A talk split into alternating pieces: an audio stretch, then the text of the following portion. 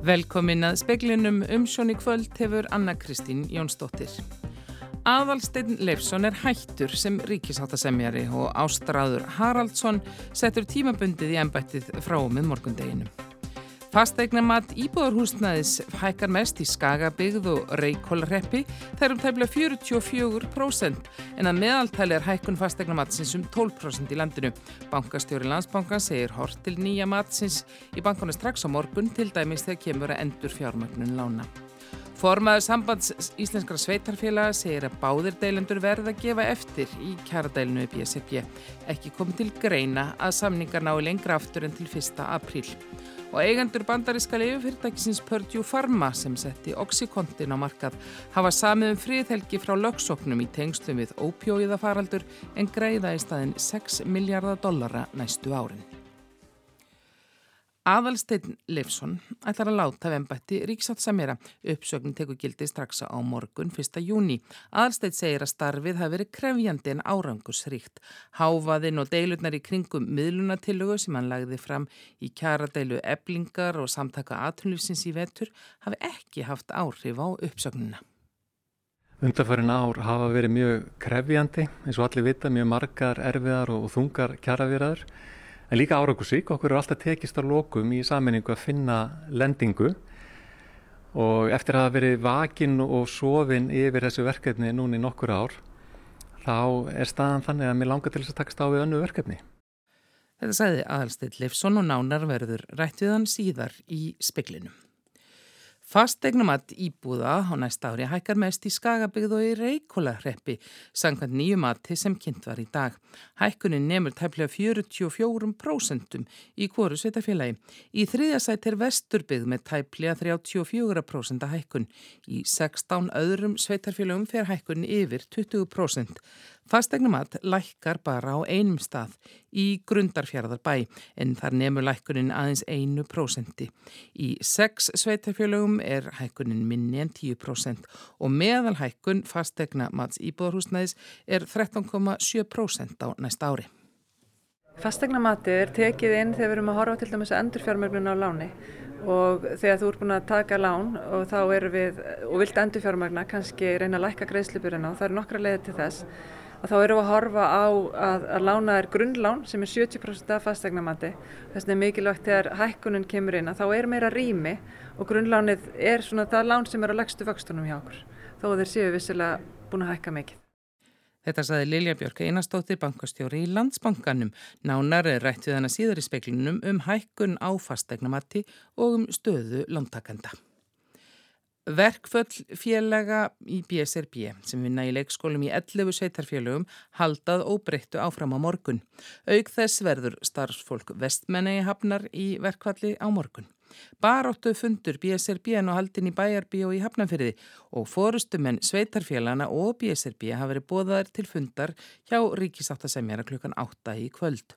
Þá skýrist væntanlega hvort efni eru til að bóða samninganemdir til fundar. Aðstóðar sáttasemjarar í deilinu eru Aldíski Siguradóttir og Elisabeth S. Ólafsdóttir. Heiðabjörg Hilmisdóttir, formaður stjórnar sambands íslenskra sveitarfélaga, segir það alltaf alvarlegt ef kjaradeilur enda í verkvallum. Það sem er til ráða eru auðvitað að sittjast niður og semja og til þess þurfa báður aðalega að gefa eftir.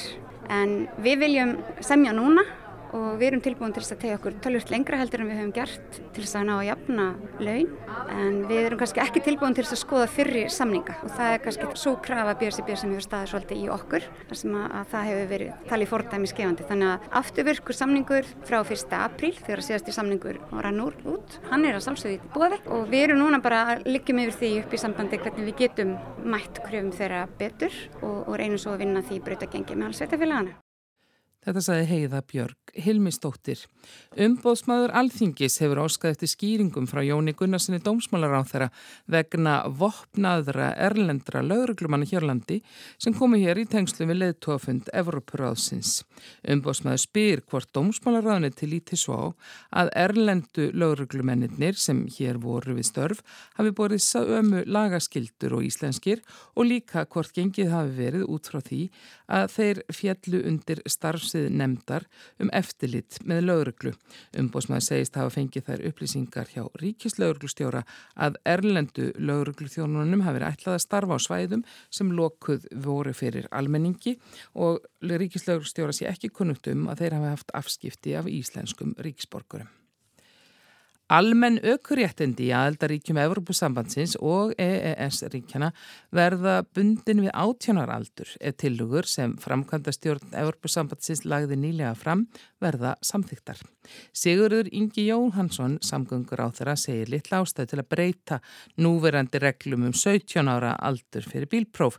Það við gengi vel hér á landi að draga úr slísum hjá ungum bílstjórnum og það sé megin markmið fyrir hugaðara breytinga. Nánarum þetta í speklinum á eftir. Eigendur Livjafyrirtækisins Purdue Pharma í bandaríkjunum hafa samið um fríðhelgi vegna lögsókna í tengslum við ópjóíða faraldur í landinu með sáttagerð upp á 6 miljardar bandaríkjadala.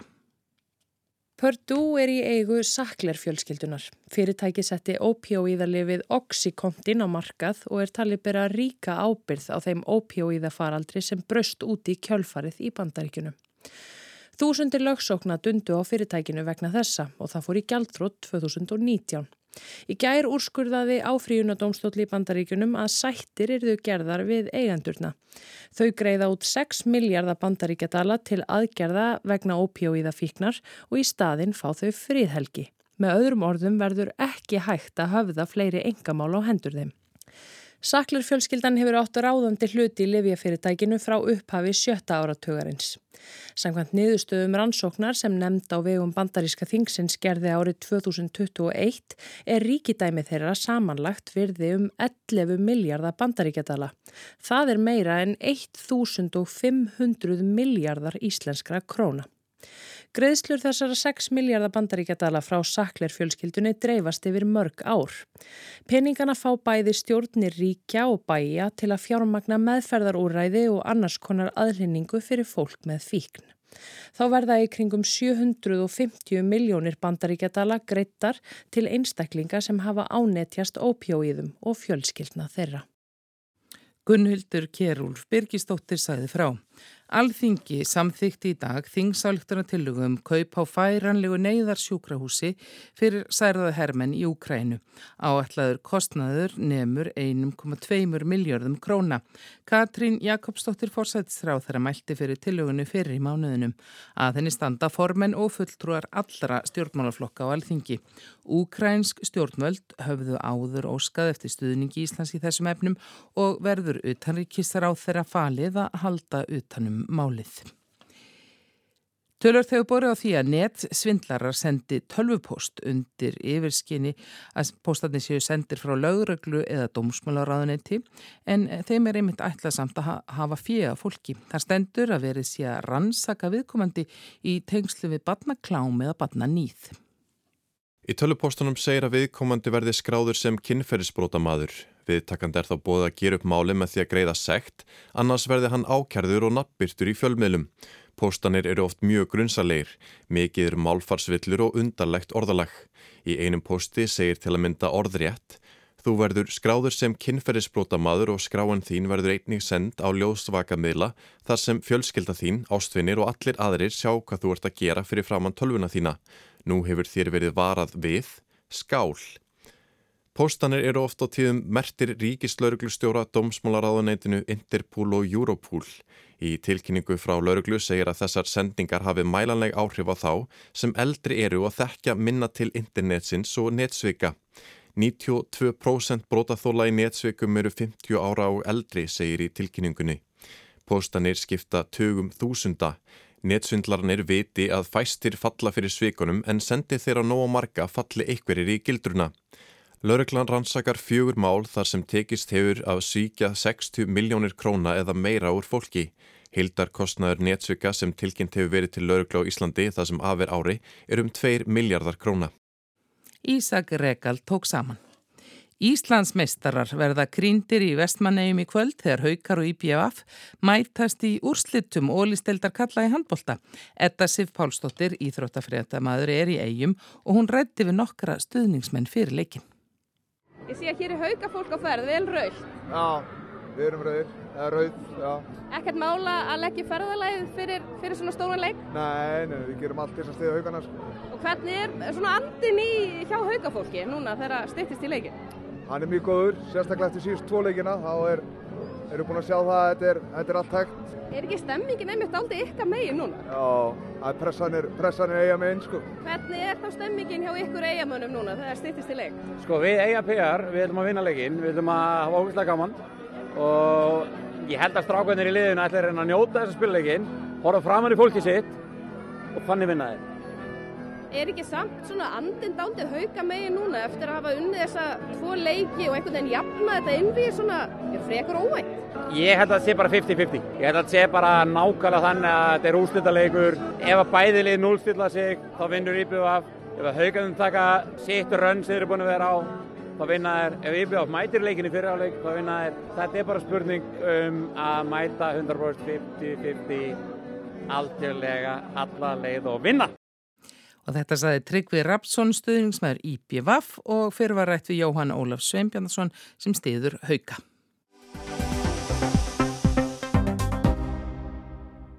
Fastegnamat ársins 2024 var kynnt í morgun og hefur hækkað um tæpliga 12%.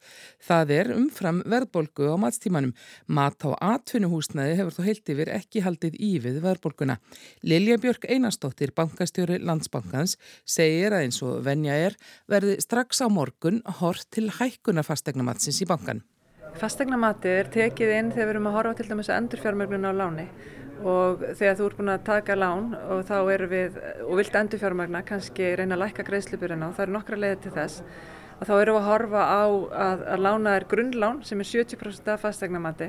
Þess vegna er mikilvægt þegar hækkunum kemur inn að þá er meira rými og grunnlánið er svona það lán sem er á legstu vöxtunum hjá okkur, þó þeir séu vissilega búin að hækka mikið. Og þið takir þetta bara, byrjið að miða við þess þetta hækkaða fastegnumat strax á morgun? Já, við tökum nýtt fastegnumat inn hjá okkur núna strax 1. jóni. Lilja nefnir endur fjármögnun, enda til stengum að vextir hafa hækkað mikið undanfæri misseri. Við erum með bæði innlán og útlán þannig að við erum að fylgja ákveðnum þessu vakstahækkunar ferli, alveg eins og við fylgjum vakstahækkunar ferlinu og þetta auðvitað hefur tölur áhrif sjáum við á okkar viðskiptavinni þannig að við erum að mæta því með ímiðskonar leiðum og ferli hefur vissulega kannski að okkar mati verið ansið mjög hratt vextir hafa verið hækkað hratt og við erum svona ekki alveg búin að sjá hvernig hver hækkun er að hafa áhrif. Þannig að það má alveg gefa því svolítinn tíma til þess að, að vinnast svona ef ég ætti að, að horfa á þetta út frá okkar reynsluheimi. Það er ekki komin neinn meira átt að vandræði í útlánasafni eða hjá einstaklingum og heimilum en, þarna, en við erum vissulega að búa okkur undir það en það hafa hækkan að verið miklar á frekarstöttum tíma. Vanskil hafi reyndar aldrei verið minni en bankin búið sig undir að það geti breyst. Kanski ástæðan er að af þeim lánum sem eru óvertreyð þá eru það byrj helmingur af þeim um það byrj 9500 heimili eru nú þegar á breytilunum vöxtum og eru að ráða við greiðslur og meðal fjárhæð lánsins, hún er ekki 80 miljónir eða 100 sem að heyri stundum í reknivelum og í fréttum, heldur meðal fjárhæð 24 miljónir. Þannig að það er stór hluti sem að er að ráða við og aukinn kaupmáttur undanferðin ár hefur hjálpað. En svo er það hitt að það eru 12.500 heimilinn sem eru með fastavexti og helmingurinn af þeim þar að segja verður laus í árið 2024 og hinn helmingurinn 2025 og þannig erum við að tala um fólk sem er núna á 4,5% meðalvöxtum og vextinnir, hverji verða þeir þegar þeir losna. Og það, þetta er hópur sem við vitum það við verðum auðvitað að gefa ykkur úrræði.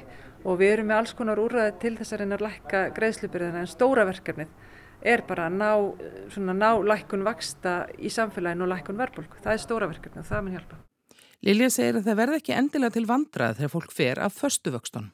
Það getur það farið í nýtt lánsform vegna þess að helmingurinn þeim sem er þegar með overtregð lán eru þegar á breytilegum vöxtum.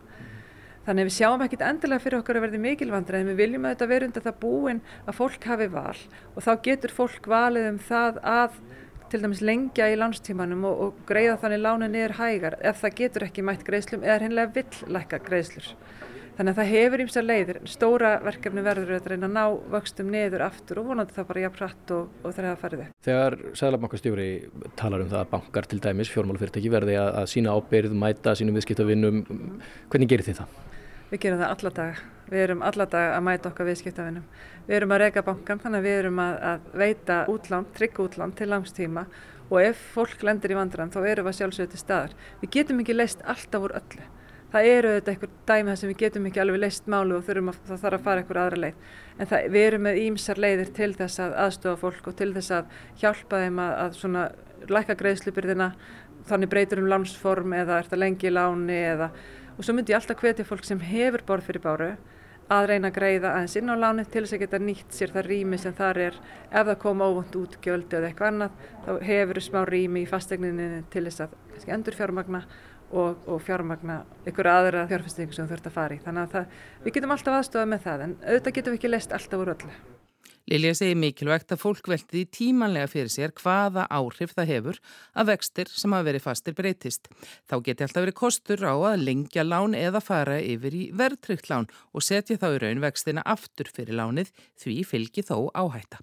Sérstaklega í horfi verðbólgu og þegar vextir eru háir en þarna og áhættan er svo að láni getur orðið meira en virði húsnæðisins en að stíga varlega til jarðar, fá ráðgjöf og nýta sér allar þessar leiðir það er ráleggingin hjá mér og við erum með fólk út um all land og í síma sem getur aðstofað okkar mun að hafið áhugjur af því ef að fólk fer að flikjast yfir í, í verðtriðlán að það, svona eins og það hefur verið talað um að fólk getur bara læst treinlega inn í þeim vegna þess að höfustólinn hækkar og þú getur þá ekki endurfjármagnaði og færð ekki farið ekki greiðslum að fyrir nýju lánu til endur fjármagna? Já, ég hef áhugir af því, fyrst og fremst vegna þess að fjárhæð lánsins hefur aukist. Og það er ekkert vist eins og þú segir að fólk standist greiðslumar en þetta er bara verkefni sem við viljum vinna með sælabankana vegna þess að ég held að þetta sé mjög mikilvægt. Ef við erum að, að nota verðtrið útláns sem svona úrræði fyrir fólk til að mæta á hvernig tímabili að þá verðum við líka að finna leið fyrir fólk til að komast út úr verðtriðu láni ef það síðan getur farið að greiða hraða neyður og ég held að það sé mjög mikilvægt og við vinnum þetta með Sælabankanum, við hefum hafið máls á þessu og þetta er svona eitt af bara þeim fjölmörgu verkefnum til þess að gera svona heim lánþega eh, betri. Saði Lilja Björk, Einarstóttir Stígur Helgason talaði við hana.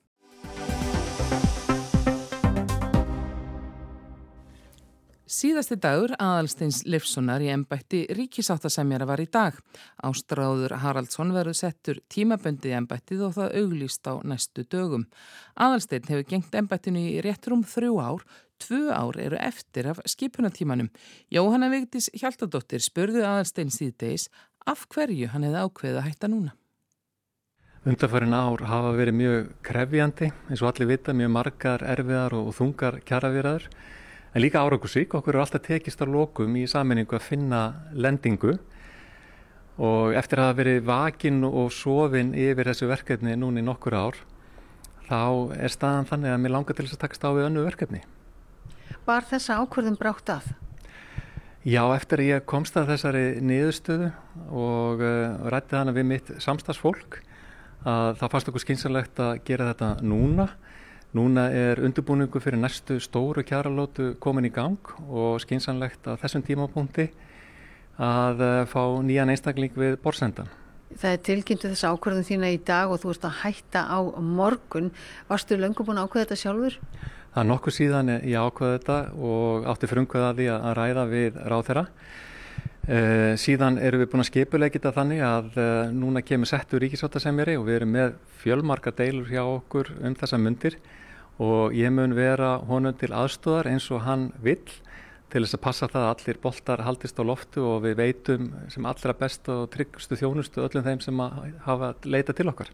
Nú ertu búin að vera hérna í rúm þrjú ár og við spörjum okkur hvort að átökin í kjæradeilu eflingar og samtaka aðtunulísins hvort þau hafa vegið þungt við þessa ákvarðanantöku þína? Nei, alls ekki.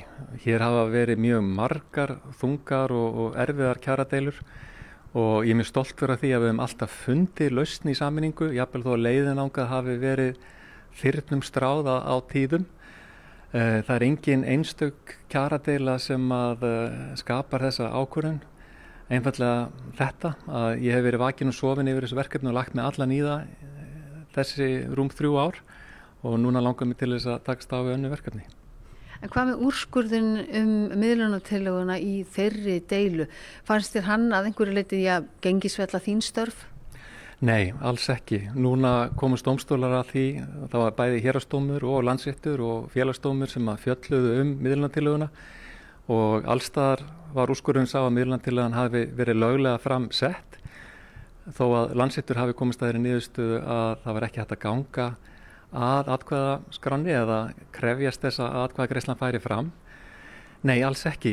Ríkisvölda sem er í starfar að sjálfsögðu innan þess ramma sem alþengi setur á hverjum tíma eins og það er tólkað af domstólum og ég mun aldrei deila við domstóla, svo niðurstað er svo sem hann er og eh, að sjálfsögðu vinnum við út frá því. En í ljósi alls þessa sem þú nefnir, varstu búin að fá nóg af þessu starfi? Nei, það er ekki svo tilfinning. Það var einfallega svo tilfinning að uh, ég er búin að leggja mig allan í þetta og uh, það væri betra og skynsamlegt fyrir mig og, og, og fyrir verkefnið að uh, ég stýði til hliðar og hleyftu öðrum að og verkefni gengur fyrir öllu. Það er það sem er mikilvægast. Það er gríðarlega mikilvægt að það sé veitt virk og góð sáttamilun hér í húsinu og mér fannst á tímapunktu komin að það var skynsamt fyrir mig að stíga til hliðar. Skipunatíminn er ekki útrunnin og það er harður kjaravetur framöndan og meira og menna allir samningar þeir eru lausir næsta haust. Finnst þér skinsamlegt að þú sem ríkisáta sem er í já, stýr og brunni á þessum tjófandi? Já, mér finnst það skinsamlegt en á sama tíma er það líka skinsamlegt að ég verði nýjum settum ríkisáta sem er að til aðstóðar og ég gerir það heilum hug að vera hér til þess að hjálpa til við það að það veri trygg samfélag í öllu okkar starfi. Það hefur verið þannig, allt frá því ég kom fyrir rúmið þremur árum síðan, að það hafa alltaf verið mörg mál og það hefur alltaf mikið leið undir og það hefur gengið gríðalega vel að ná sameilegri niðurstöðu á lokum og ég treysti því að það verði áfram og ég mun leggja mín loða vóaskálanar í öðru hlutverki á næstu missurum til þess að svo verði. En óttast þú að það blasi við mjög hörð átök á vinnumarkaði hér á landi framöndan? Við sjáum til. Ég geng alltaf vonglaður inn í hver dag og ofta tíðum veriðast eh, áskorunarnar vera óyfirstíðarlegar eða, eða mjög þungar og erfiðar en eh, meðan fólk hittist og tala saman og á opiskátt samtal og leita lausna í saminningu að þá er hægt að lenda ótrúlustum málum og það hefur reynsla sínt undanfærin ár og ég er vonglaðið með að það verði áfram. Þú talar mikið um það að þú ætlar að snúa þér að öðrum verkefnum. Hverju ætlar að snúa þér að? Fyrst í stað að þá mun ég einbyrða mér að því að vera til staðar fyrir setna ríkisóttasemjara og hjálpa til við að halda öllum málum gangandi. E, síðan er ég að gera aðtugun og rannsókn á líðan, upplifun og e, viðhorfum fólk sem að sittur í samninganemdum um all land sem er yfir 600 manns og ég mun skila skýslum það til eh, félags- og vinnumálur á þeirra og svo kunna vera ímis önnu verkefni sem ég sinni líka á næstu missurum. Það sem tekur við eftir það mun ég segja frá síðar. Finnst þér óþægilegt eða vandræðilegt að sitja ekki út skipuna tíman? Nei, mér finnst það ekkit óþægilegt eða vandræðilegt. Mér finnst það vera skynsanlegt og ég hef gert í þessu starfi alltaf það sem ég tel vera rétt og það sem ég veit í hjarta mínu er rétt og uh, hjarta mitt segir mér að það sé réttu tími til þess að stíga til hlýðar núna og hleypa öðrum að borðsendanum. Hvaða ráð áttu fyrir þinn eftirmann? Nú á ég þetta ráð að uh, gera alltaf það sem hann veit að í hjarta sínu er rétt og skynsanlegt út frá hagsmunum þeirra sem sita við borðið, út frá almanna hagsmunum. Jábel þó að það kunna vera umdilt vegna þess að allt orka tvímalis. Sagði aðalsteinn Leifsson.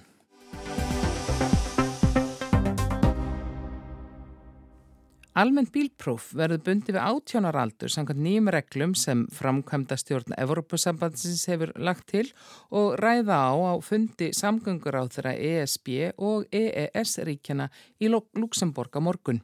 Hérlandi getur fólk fengið bílpróf þegar það næði 17 ára aldri og Sigurðuningi Jóhansson samgöngur á þeirra sem sækir fundin á morgun segist ekki hrifin af tilugumun hækkun. Björn Malmqvist, fréttarittari í Brussel, segir frá.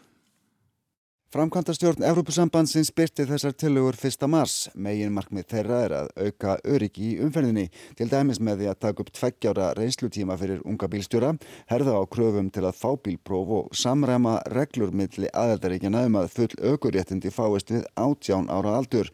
Flest aðeldaríki ESB eru reyndar einmitt með þessi aldursmörk, en það eru þó undantekningar, til dæmis í Ungverjalandi, þar sem bílpróf fæst við 17 ára aldur rétt eins og á Íslandi. Sigurður Ingi Jóhansson, samgöngur á þeirra, situr á morgun fund samgöngur á þeirra Európusambandsins og ríkjana innan Evróska efnahagsvæðisins, Íslands, Noregs og Líktinstæðin, þar sem fjallaðu verður um þessar tilugur. Já, sko, í fyrstu lagi þá er þetta nú svona á forstegum þar Það má líka velta fyrir sér hvort að Erbúrsambandi þurfa að skipta sér af öllu og samræma allt en þessi umræða hófst nú Íslandi fyrir, eh, eða var hérna fyrir einhverjum áratögu eða tveimur og uh, það var nú ekki stemming fyrir því á Íslandi og ég er þeirra skoðunar að, að við höfum útvært þetta bara mjög vel. Við, við haldið þessum 17 ára aldri en um leið fórum við í að herða og svona gera metnaðarfyllir og faglegri öku námið Eh, ásamt því að vera með þá viðvarandi fræðslu og halda áráðri að ungu fólki sem og að breyta svona refsi hérna rammanum í kringum þetta það skilirta bilpróf árangurinn var síðan sá að, að hérna, það sem var, var nú kannski ástæða fyrir því að mann velti vöngum yfir þessu á sínum tíma og er vendalega ástæða Europasambandsins Sleis voru of algengi á ungum ökumönnum að við höfum bara náðu gríðalegum árangri í þannig að við getum bara haft góða sögu að segja. Þannig að, þannig að ég myndi segja allavega að það sé engin ástæðat fyrir okkur að, að elda þessar hugmyndir og svo má þetta nefna það að, að það sem þeir eru að samræma er þetta að Þú getur lagt að í einu landi og kert inn í næsta. En það er nú lítið hlætt og frí á Íslandi að keira út úr einhverjum síslumörkum og lenda inn í öðru landi. Þó svo að, að, hérna, þeir myndu samrama þetta í Evrópu. Að þá verður nú að sérst eins og er að, að möguleikarnir á því að við séum bara með okkar kerfi áfram á Íslandi. Ættu ekki að tröfla það. Þannig að eina sem ættistu þá að vita að þegar við erum að keira á átjánda ári í Európu og þá hefur ekki réttindi fyrir, fyrir náðfullum átján árum. Framkvæmdastjórn ESB læði tilegurnar fram 1. mass og umfjöldlinunum þær á fundi samgöngur á þeirra aðeldaríkjana á morgun er í raun hluti af því ferli sem í gang þegar ráðferðaráðs ESB er að mynda sér skoðun á þeim. Svipað ferli er núna í gangi hjá Európu þinginu og þegar þessa stofnunir hafa mótað sína afstöðu verður lagt upp í svo kallar þríliða viðræður þingsins, ráðsins og framkvæmda stjórnar og það er ekki fyrir en þá sem endanlega niðurstaða fæst. Sérfræðingar EES-ríkjana fá einnig tækifæri til að koma með sín sjónumið. Á upplýsingafundi hér í Brussel í dag kom fram hjá ennbættismönnum ráðherraráðsins að stemt væri að því að afgreða þessa reglugjert áður en Európuþingi líkur störfum næsta vor. Hún er EES-tæk eins og það er kallað. Það er að segja að reglur af þessu tægi eiga við samningin um Evróska efnahagsveiði, Noreg, Ísland og Liechtenstein. Þannig að eftir að þeir verða samþygtar hjá Evrópussambandinu hefst aðlöfum þeirra að EES-samningnum og innleiðing í Íslands lagaumkörfi. Það er fleira í þessum tilögum, meðal annars ákvæði sem eiga auðvelda stjórnvöldum að innheimta sektir þegar bílstjóra gerast brotlegir í öðrum ríkjum. Í upplýsingum sem fylgja þessum tilögum kemur fram að árið 2019 hafi ekki tekist að refsa eða sekta fyrir næstum helming slikra brota innan aðeldaríkja ESB og á Íslandi eru einnig dæmi um þetta. Það eru allavega einhver þrýr þættir í þessari gerð og eitt af þeim eitt lítur af, af því að, að samræma sektargreðslur eða geta haft til þess að innhemta þær. Og ég held að það sé eitthvað sem við erum að skoða með jákvæðum huga. Og svo er einnig verið að tala um að koma upp öðra afrænum aukulskiptunum sem myndur kilda í allir Európu og við erum alltaf lengur búin að því, við gerum þetta 2020 og við gildaðum þetta bara á Íslandi eins og er. Þannig að það væri líka jákvægt að fara í það ferli og tók nú það þetta mál upp fyrir einhverju tömur árum á, á sambarilegum fundi eða með semst Evrópu ráðfærum. Þannig að kannski eru þau bara bregðast við því saði Sigurður Ingi Jóhansson. Veður horfur næsta sólarhingin, það verður vestan og suðvestan átt 5 til 13, heldur kvassara siðst á landinu og á vestferðum fram eftir kvöldi. Létt skíjað um landið austanvert, annars skíjað með köplum og allvíða líkur á súld. Hítabilinu 8 til 20 stig, hlýjast á suðaustur og austurlandi. Fleira er ekki í speklinum í kvöld, tæknimaður var Mark Eldredd veriði sæl.